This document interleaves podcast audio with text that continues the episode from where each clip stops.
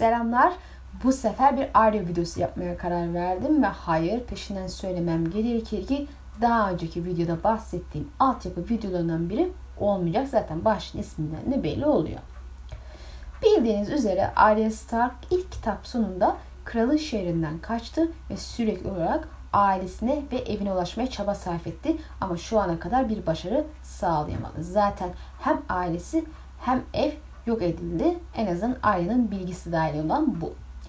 E diğer yandan Jon Snow'un hala surda olduğunu biliyor ve kralın şehrine gittiğinde sık sık Jon'u özlemişti ve onun yanına gitmeyi hayal etti ki Bravos'a giderken bile aslında sura gitmeyi niyet etmişti ama kaptan onu reddederek Bravos'a götürdü ama Arya orada iken bile iki nöbet adayı gördüğünde sura dönüp dönmeyeceklerini merak ederek sorguladı çünkü aklında hala sura yani Jon'un yanına gitmek vardı. Şimdi dizide Lady Taşkalb'in e, Frey sahnelerini Arya verdi ki zaten kimin sahnesini kimlere vermedi ki bu Dan David David ikilisi. Tüm bu konuya ve karakter hikayelerini resmen başka bir şeye çevirdiler. Evet, dizide bu olunca birçok okuyucu da Arya'nın e, aynı şekilde Westeros'a döndüğü zaman doğrudan Nil topraklarına gideceğini düşünmeye başladı. E bunun için gerekçe olarak öne sürülen birkaç şey işte Nymeria ve Ket'in oradaki varlığı, Sancaksızlar ve Gendi gibi karakterler hatta Freyler'in kendisi diye öne sürülebilir. E bu daha çok kurgu matematiği tahminlerine giriyor. Elbette neye topraklarında bunlar var ve bunlar Arya'nın daha önce karşılaştığı kişiler. Öyleyse Arya buraya dönecek. E biraz düz mantık olsa bile bu da bir yorum, birçok yorumdan biridir ve olasılıklar dahilindedir. Elbette ben böyle düşünmüyorum.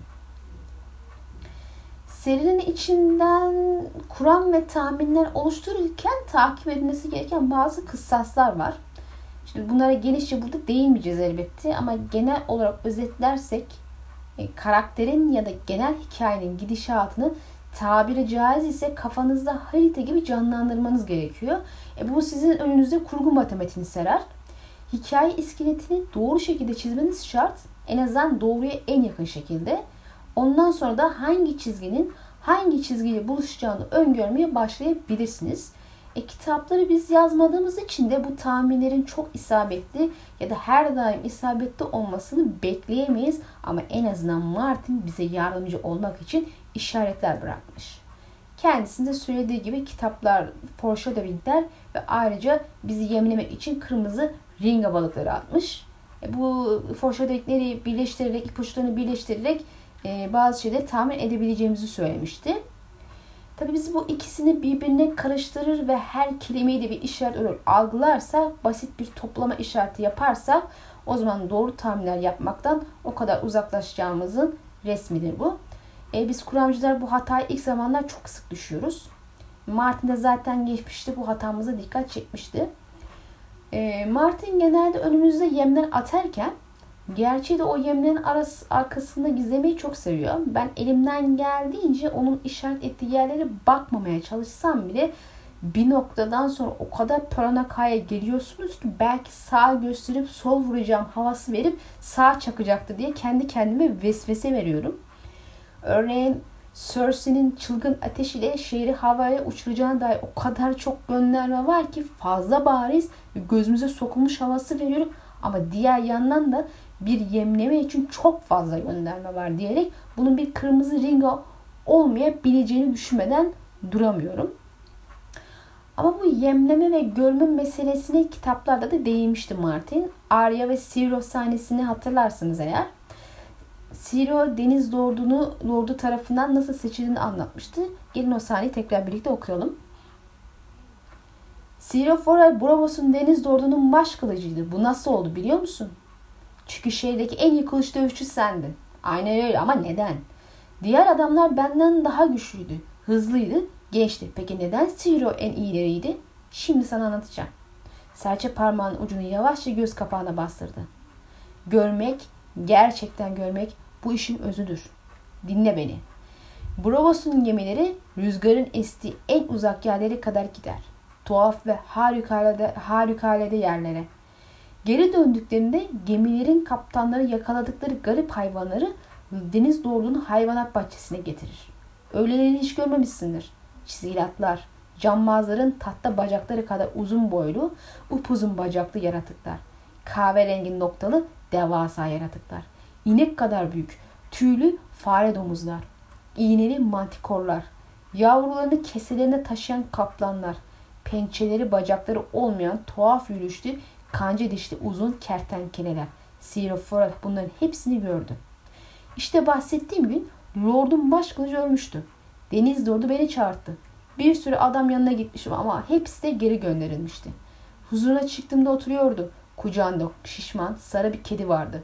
Kaptanlarından biri hayvanı çok uzak bir adadan getirmiş öyle söyledi. Daha önce buna benzeyen bir şey gördün mü diye sordu bana.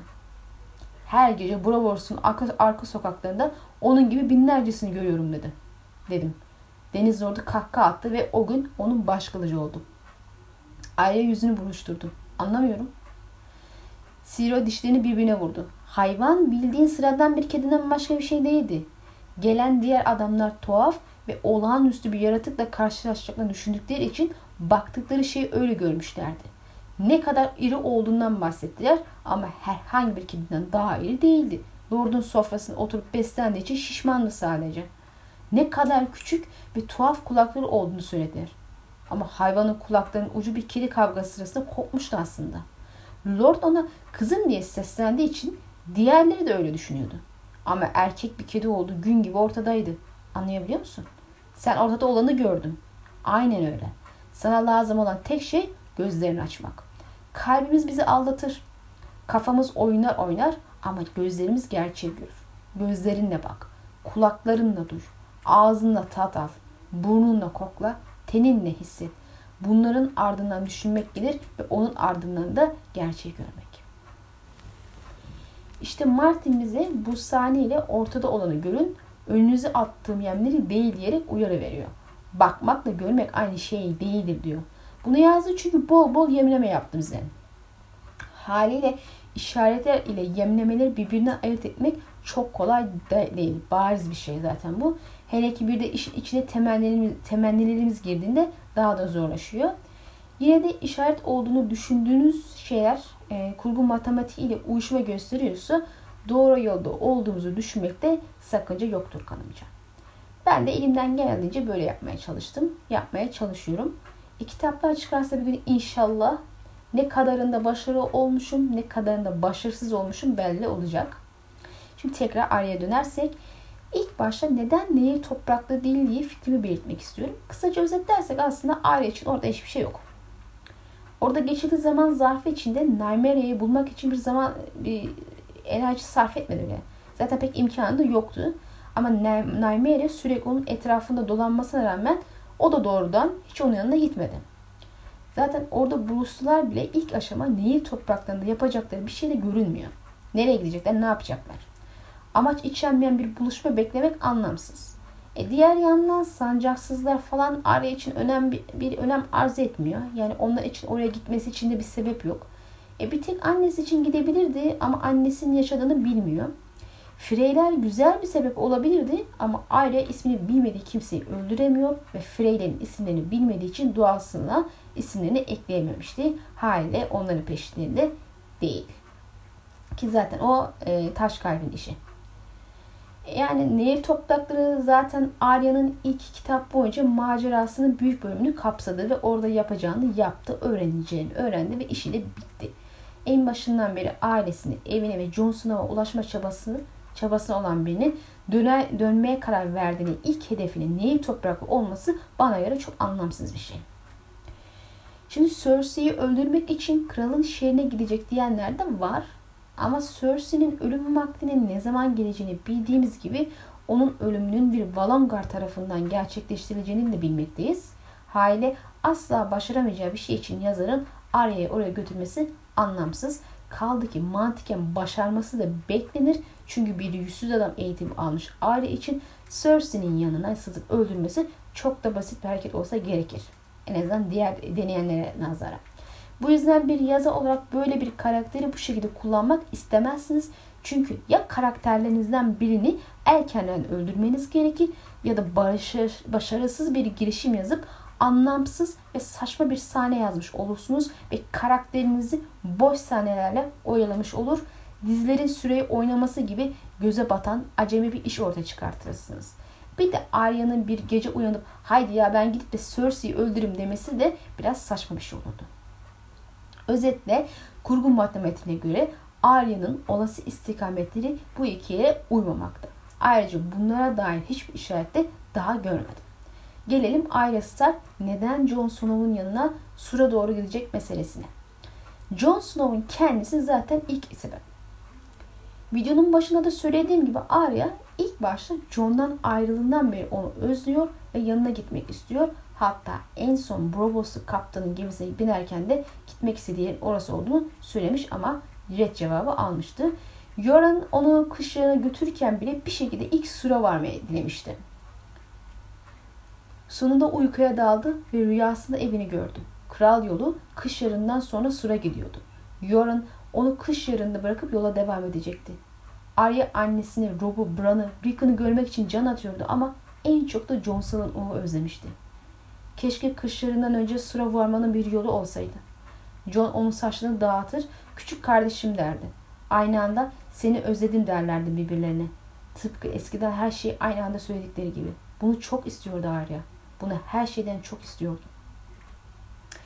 Haliyle ben nasıl ki Brienne'nin tüm amacının ve şimdiki hikayesinin odak noktasının Sansa'yı bulmak olduğu için eninde sonunda onu bulacağından eminsem Arya'nın da ilk kitaptan beri Jon Snow'un yanına gitme sevdası yüzünden onun olduğu yere gideceğinden eminim. Bravos'ta iken hala Sur'a gitmeyi düşündüğüne dair iki örnek sahnemiz mevcut zaten. E bu amacı belli etmiş birinin başka bir yere gitme arzusu düşünülemez. Hele ki bu kızın intikam arzusu kadar aile ve yalnızlık, yalnızlık acısı çektiğinde düşünülse.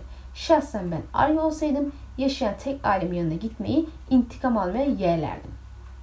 İlk önce kendime güven, kendimi güvende ve tekrar bir bütün hissetmek isterdim. Misal Sansa, kış yarının halini bilmesine rağmen gönlü oraya gitmekten yana. Her ne kadar ev mev kalmadığını düşünse de çünkü kendini orada daha güvende ve güçlü hissedeceğini biliyor. Aile için güvenli hissedeceği ve ev arzusunu dindireceği yer ise barizdir ki Jon Snow'un kendisi. Nitekim Jon bile Mense, Mense Arya'yı eve getirmesini söylemişti. Yani mantıken Arya zaten evdeydi ama Jon için evin orası olmadığı, kendi yanı olduğu ortada. Jon ve Arya arasında geçen konuşmada Jon'un bazen farklı yollar aynı kaleye çıkar sözünün bir foreshadowing olduğunu düşünüyorum. Sonuçta ikisinin de yolları farklıydı ama eninde sonunda aynı kalede buluşacaklar. Biliyorsunuz Martin ilk taslakta, taslakta yazdığına göre iki karakteri tekrardan surda buluşturmak istemişti. Bu yüksek ihtimalle geçerliliğini korumakta. Elbette şöyle bir yorum da mümkün. Tamam bu güçlü bir foreshadowing gibi görünüyor ama bu kalenin illaki kara kale olmasına gerek yok. Kış yarında da buluşabilirler. Gayet mümkündür. Bu da çok güçlü bir olasılık. Çok fark etmiyor zaten. Sur ya da kış yarı. Ailenin istikameti Jon Snow olacak. Önemli olan kısım burası. Kara Kale'de ya da işte kışlarında buluşmanın hikaye gelişimi açılmasından bir önem arz ettim zaten düşünmüyorum. Buna karşı yine de Sur'a gideceğine dair işaretler olduğunu söylemem gerekir. Onu da vakti gelince deneyeceğiz. Şimdilik devam edelim. O zaman soru şu. Ailes'ta Bravos'ta yüzsüz adam eğitimi alırken neden bir anda eğitim sonlandırıp ayrılmak istesin?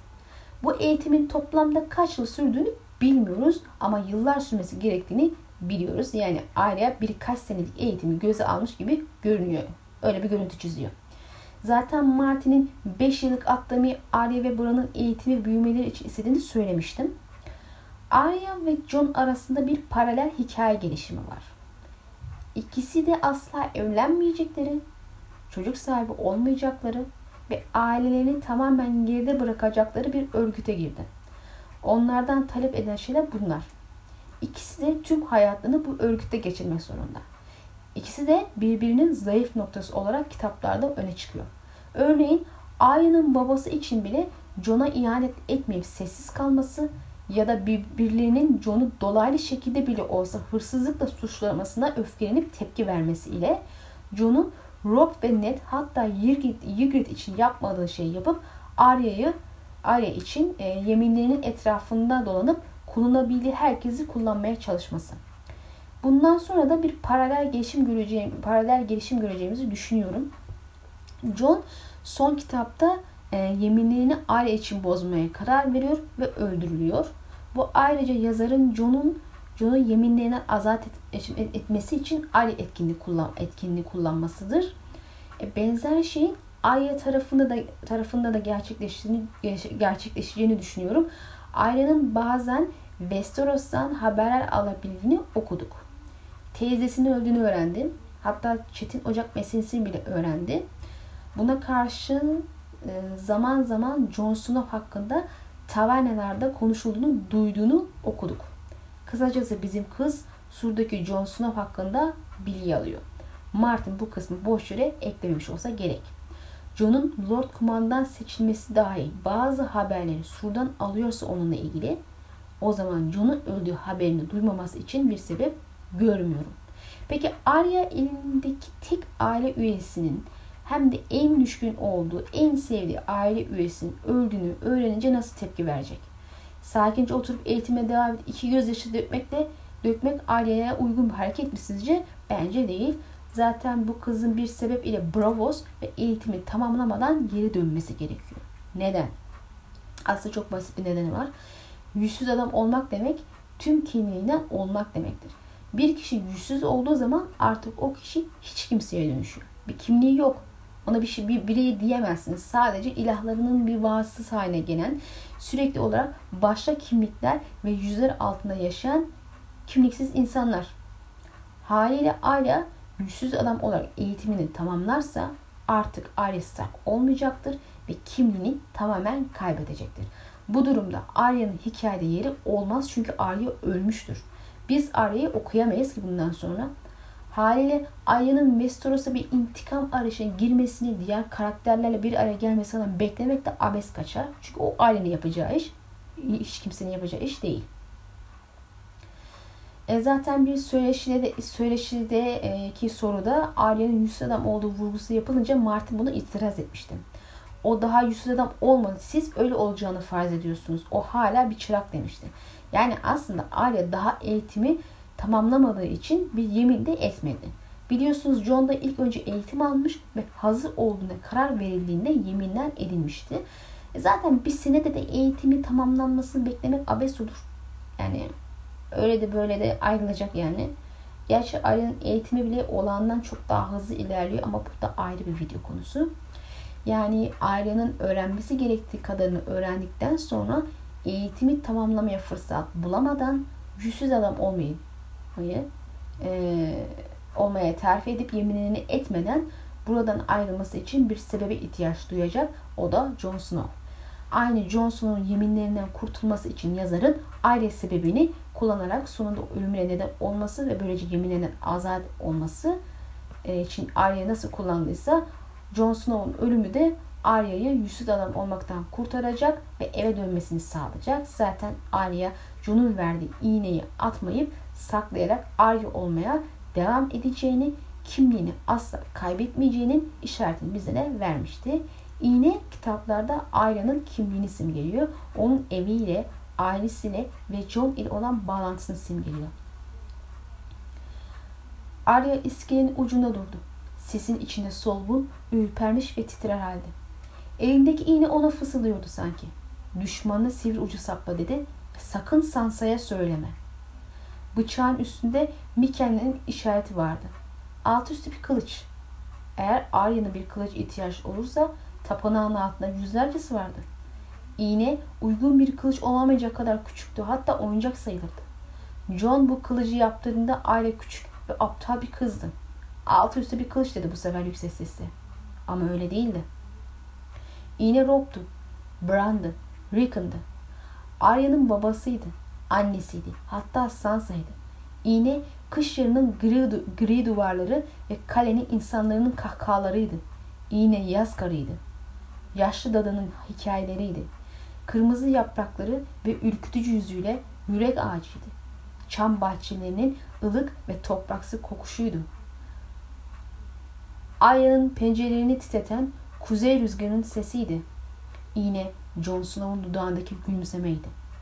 Eskiden saçlarımı karıştırır ve bana küçük kardeşim derdi diye hatırladı Arya. Gözleri birdenbire yaşlarla doldu. Bu alıntıdan, görün, alıntıdan gördüğünüz gibi aile kimden vazgeçmek istemiyor. Aslında Arya'nın John'un intikamını almak için harekete, harekete geçebileceğine dair olası bir foreshadowing sahnemiz de var. Darian aptal prensi öldü diye kendini aptal bir kaleden aşağı atan aptal bir lady ile ilgili aptal bir şarkı söylerken o gece nöbetçinin adamı diye düşün Kate. Lady prensini öldürenleri öldürmeliydi. Şarkıcı da surdu olmalıydı. Bildiğiniz üzere Jon Snow aslında Rhaegar'ın oğlu olarak bir Targaryen prensi ve öldürüldü. Arya prensin intikamını alacak karakterde biri. Gece nöbeti teması e, ikinci sebep olarak sunulabilir. Şimdi bunu açıklamak için ilk önce başka örnek ver, üzerinden gitmek istiyorum.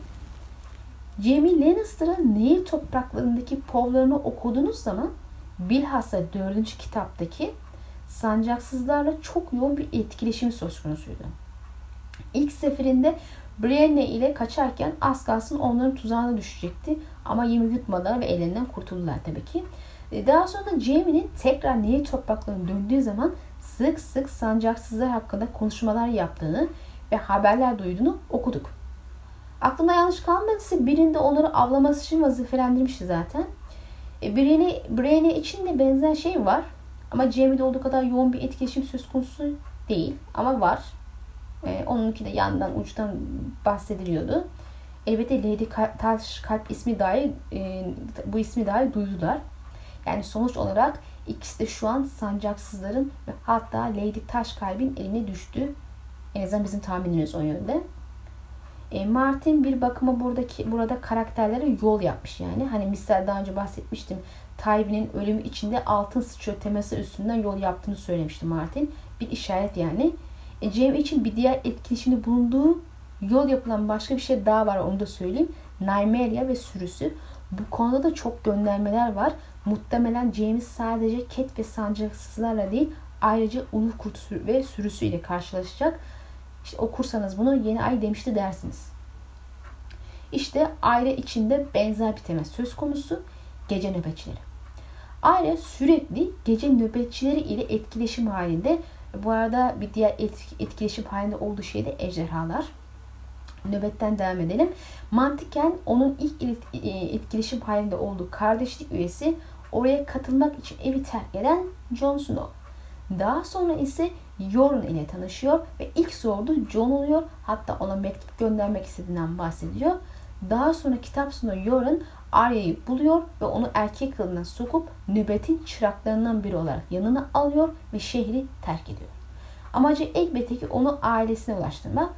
E, Yorun bizim kızı ilk gördüğünde bile erkek zannetmişti. Aslında erkek teması Arya için bir diğer işaret. E, bir çocuğun pasaklı haldeyken ve erkek kıyafetlerinde iken erkek zannedilmesi şaşacak bir şey değil aslında.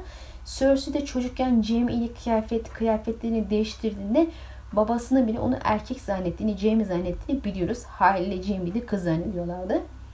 E yine de Arya'da yine de Arya'da bu sık tekrar edilen bir mesele. Ve sonunda bizim dişi kurt kaçarken erkek kılına girip nöbetin arasına katıldı. Peki siz erkek kılına girerek nöbete katılan bir kız hikayesi biliyor musunuz? Biliyorsunuz. Danny Flint. Flint kızı tacizlerden kaçmak için erkek kılına girerek nöbete katılıyor. Onun hikayesi üzücü ve konumuzun gereği, gereği bizi ilgilenen kısmı e, erkek kılına girip nöbete katılması. E, bu kızın ismi üç yerde geçiyor. İlki Bran'ın Surda Gizlendiği sırada duymuştuk.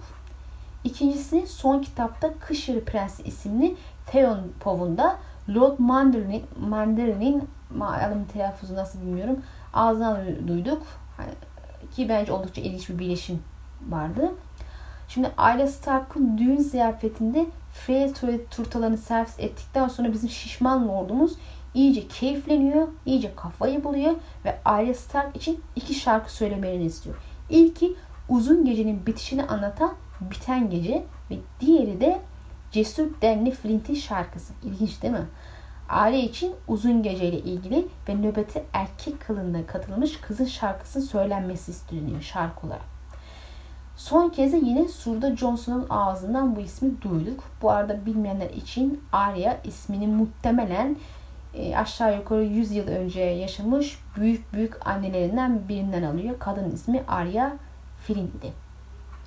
Devam edelim. Arya nöbet ile ikinci kitapta yolculuğuna devam ederken Turtu'yu bir güzel pataklamıştı ve Yoren da ceza olarak onu bir güzel pataklamıştı ve sonra şu cümleyi kurmuştu. Aralarında geçen konuşma şu. Poposu ve baldırları acıyla yanıyordu. Dikkatini çekmeye başarabilmişimdir belki de diyorum. Bir dahaki sefere kardeşlerine saldırmadan önce onlara yaptığının mislinin başına geleceğini hatırla. Beni anlıyor musun? Pantolonu yukarı çek. Onlar benim kardeşim değil diye düşündü Arya. Pantolonu çekmek için eğilirken ama aklından geçeni söylemesi gerektiğini biliyordu. Şimdi ne kardeşi ya diyor insan soruyor. Onlar Arya'nın kardeşi değil ki. Çünkü Arya nöbete katılacak bir çırak değil, bir erkek bile değil. Buna rağmen yazar Yora'nın ağzına böyle bir cümleyi yerleştirmiş. Sebep bir karakter normalden daha garip bir şey söylüyorsa dikkat etmek gerekir diye düşünüyorum. Nedeni belli. Yüksek ihtimal Arya Sur'a gideceği için bir işaret vermiş. Buradan bir yol yapmış. Her şey gözümüzün önünde yani. Filin kızının hikayesi, Arya'nın ilk kitaplarda sürekli erkek zannedilmesi ve nöbet ile yolculuk yapması hatta Bravos'a gittiğinde bile iki tane gece nöbeti üyesi ile tanışıp onlarla Sur'a gitmeye niyetlenmesi. En azından aklından geçmiş olması. E bu kızın çevresinde sürekli gece nöbetçiler olmuş yani. Nasıl ki ilk kitapta Bravos ve Bravos e, gön, Bravosçular yani Bravos'tan gelenler ve Bravos göndermeleri olduğu olduğu ve sonunda yolunun Bravos'a düştüğü gibi gece nöbet, nöbetçisi göndermesi de var. E, hala ileride sonunda e, yolunun gece nöbetine düşeceğini e, çıkarmak zor olmaz diye düşünüyorum. Çünkü önceki karakter örnekleri de bize böyle bir şey anlatıyor. Ayrıca ilk anlarından beri John'a ulaşma amacı güttüğünde düşünürsek hepsi birleştiğinde bize Sur'dan başka bir seçenek kalmıyor. En azından en güçlü aday olarak. Yani en kötü ihtimalle John için Bravos'u ve eğitimi terk edeceği kesin ve en iyi ihtimalle buluşma yeri Sur olacak. E bu konuda bir başka işaret daha sunmak mümkün. Ölü adamın çizmeleri. Bunun için ilk olarak sizi Melisandre sahnesine götürmem gerekiyor. Bildiğiniz üzere, üzere Melisandre Mens'i yakmak yerine e, çıkarları için kullanmak istedi ve göz bağı büyüsüyle Mens'i çıngıraklı gibi gösterirken çıngıraklıyı da Mens gibi gösterdi. Böylece ölen diğeri oldu. E, Melisandre Arya'nın yardım et, Arya'ya yardım etmesi için Mens'i kullanmayı teklif ettiğinde John doğal olarak bu yer değiştirme işinin nasıl olduğunu sorguluyor ve Melisandre de anlatıyordu. Kemikler yardım ediyor dedi Melisandre. Kemikler hatırlıyor. En güçlü büyüler böyle yapılırdı. Ölü bir adamın çizmeleri, bir parça saç, bir torba parmak kemiği. Fısıldanmış kelimeler ve dualarla bir adamın gölgesi bu çeşit nesnelerden çekilebilir ve bir başka adam üstüne bir pelerin gibi serilebilir. Pelerinliken adamın özü değişmez. Sadece imgesi değişir. Yani ayanın bahse geçildiği yerde göz bağı bahsediliyor ve örnek madde olarak bahse geçen şeylerden biri de ölü bir adamın çizmeli. Bu arada Davos'un parmak kemiklerine gönderme yapılması da ilginç ve saç acep kimin saçı? Neyse buraya gelirse konu dağılır. Ölü adamın çizmeleri mantıken birinin görüntüsünü pelerin gibi giymek için bir eşyanın e, sahibinin ölü olmasına gerekmiyor. Çünkü Mens ve Çıngıraklı'da gördük ki ikisi de gayet hayattayken birbirinin eşyasını kullanıyordu ve görüntüleri de değişmişti. E, buna rağmen bir ölü adam vurgusu var. Neden? İşte şimdi sizi aile sahnesine geri götürüyorum. Bravos'tayız. Ve Arya Derion Dingili hakkında bizim kız e, izlenim ediniyor. Şarkıcı olana kara şarkıcı diyorlarmış. Ama çizmeleri hariç onun hiçbir kıyafeti kara değilmiş. Bu arada bu e, Türkçe çeviride bu kısım yok. Yani botlara e, vurgu yapılmıyor. Bu kitaplarda maalesef sadece hatalı çeviriler değil ayrıca eksik cümleler de var. Bu gene en iyi, en önemsiz eksik cümle yani daha önemli önemli eksik cümleler de var maalesef. Neyse Arya'nın çizmeler e, vurgusu ilk burada dikkatimizi çekiyor. Sonra bu şarkıcı ile sohbet ederek yürümeye devam ediyor. Aynı povda oluyor bunlar. Ve onu öldürüyor. Yanında kaldığı adamın yanına döndüğünde yanında yine bu çizmeler var. Cat Brusco'nun evine döndüğünde küçük kanalın üstünde akşam sisi birikiyordu. Cat et arabasını kaldırdı. Brusko'yu Brusko'yu hesap odasında buldu ve sikke kesesini adamın üstündeki masaya vurdu. Çizmeleri de vurdu. Brusko keseye dokundu. Güzel ama bu ne? Çizmeler. İyi çizmeler kolay bulunmuyor dedi Brusko. Ama bunlar benim ayaklarıma küçük gelir. Çizmenin tekini alıp inceledi. Bu gece ay karanlık olacak diye hatırlattı Kate. Öyleyse doğarsan iyi olur. Brusko çizmeyi bıraktı ve kesiyi masaya boşaltıp sikkeleri saymaya başladı. Valar Dohares. Valar Morgulus diye düşündü Kate. Yani ölü adamın çizmeleri. Sonraki sahnede tekrar çizmeler gündem oluyor. Arya bu sefer tereddüt etmedi. Darion öldü. Mutlu limanda uyuyan kara çarkıcı. Aslında gece nöbetçilerinden kaçan bir firariydi. Biri onun boğazını kesti ve cesedini bir kanala attı. Ama çizmelerini sakladı. İyi çizmeler kolay bulunmuyor. Aynen öyle. Arya yüzünü ifadesi tutmaya çalışıyordu. Şimdi iki sahnede de iyi çizmeler kolay bulunmuyor vurgusu var. Nazik adam görmediği bir çizmenin iyi olduğunu nereden biliyor? Bu düşündürücü. Ama bence burada bahsi geçen sadece çizme kalitesi de değil. Ölü adamın çizmeleri Arya'nın gelecekteki amacına uygun iyi bir araç. Bu yüzden onlar iyi bir çizme. Yani buradaki ölü adamın çizmeleri vurgusu biz doğruca Arya'nın göz bağı büyüsüyle bu çizmeleri giyip suru erkek kılığında gidebileceğini işaret ediyor. Peki Arya bu büyü biliyor mu ki? Yani nereden öğrenebilir? İşte burada nazik adamı dinleyeceğiz. Oyuncular yüzlerini hilelerle değiştirir diyordu nazik adam. Büyücüler gözü aldatan yanılsamalar yaratmak için ışığı, gölgeleri ve nefsi kullanır. Bu sanatları öğreneceksin lakin bizim burada yaptığımız çok daha derin bir iştir. Nazik adam bütün yüz değişme yöntemlerini öğreteceğinden bahsediyor. Bir oyuncunun yöntemi, yöntemi ki şu anda zaten aile oyuncularla beraber ve göz bağı büyüsünü de öğretecekmiş. Diğer yandan zaten öyle insanların yüzünü giyme meselesi de var. Zaten bu sahne e, bu sahne sırasında anlatıyor bunları da. Kısacası Arya'nın burada işi bittiğinde her birini öğrenmiş olacak ve doğal olarak gece nöbetine ait ölü adamın çizmeleri ile göz bağı büyüsü yaparak Daerion dingilinin kılına girerek muhtemelen Sur'a gidecek. Bence oldukça ilginç ve eğlenceli bir sahne olacak. Hatta ileride beklediğim bu sahne ile ilgili başka bir paralel, olası paralel örneğin, sahne örneğini de vermek istiyorum.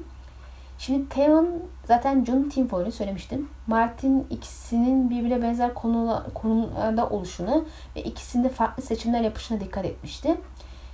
Ee, ikisinin ortak olduğu bir diğer noktada hem Jon'un hem de Theon'un en son çocukken gördüğü kız kardeşler olması. Theon eve döndüğünde Aşa'yı tanımadı. Sahneler zaten hepiniz sahneler hepinizin malumu zaten. John da Arya'yı görse bile tanıyıp tanımayacağını merak ediyordu. Zaten büyüdüğü için ilk anda tanımamasını bekleyebiliriz. Ama bilhassa bu erkek kılına girme sahnesi olursa mümkün değil tanımaz. Ve eğlenceli sahneleri okuyabiliriz. Küçük bir paralel Theon ile ama hoş bir benzeşme olacak bence. Şimdi farz edelim ki sur olmaz da kış yerinde buluşurlarsa bu da muhtemelen yani savaşın olduğu ama denk, savaşın olduğu anı denk gelir kanımca. E, Martin dizi için en son senaryo yazdığında Ramsay'in tazılarına karşılık ulu kurtların kapıştığı bir sahne notu eklemişti. Yani yüksek ihtimal kitaplarda olacak bir şey not, et, not etmiş buraya. Ki Ramsay'in tazılarını kurt öldürmeler içinde yetiştirdiği bilgisi kitaplarda Theon povlarında var. Bu ulu kurtlar şüphesiz en başta hayalet ve muhtemelen Rickon'ın kurduğu tüylü köpektir. Ama Naimere için planları olduğunu, bu kurt sürüsünün süs olsun diye yazmadığını belirtmişti. Bu yüzden Naimere ve sürüsünün kuzeyde Boltonlarla yapılacak son savaşta görme, görmenin mümkün olduğunu düşünüyorum. Yani nereye kadar zaten nereye topraklarında kalacak ki bu kurtlar. Zaten sahibi oradaysa kurt da oradadır. Kurt oradaysa sahibi de oradadır herhalde. Bir videomuzun sonuna daha geldik. İnşallah beğenmişsinizdir. Başka bir videoda görüşmek dileğiyle. Allah'a emanet olun.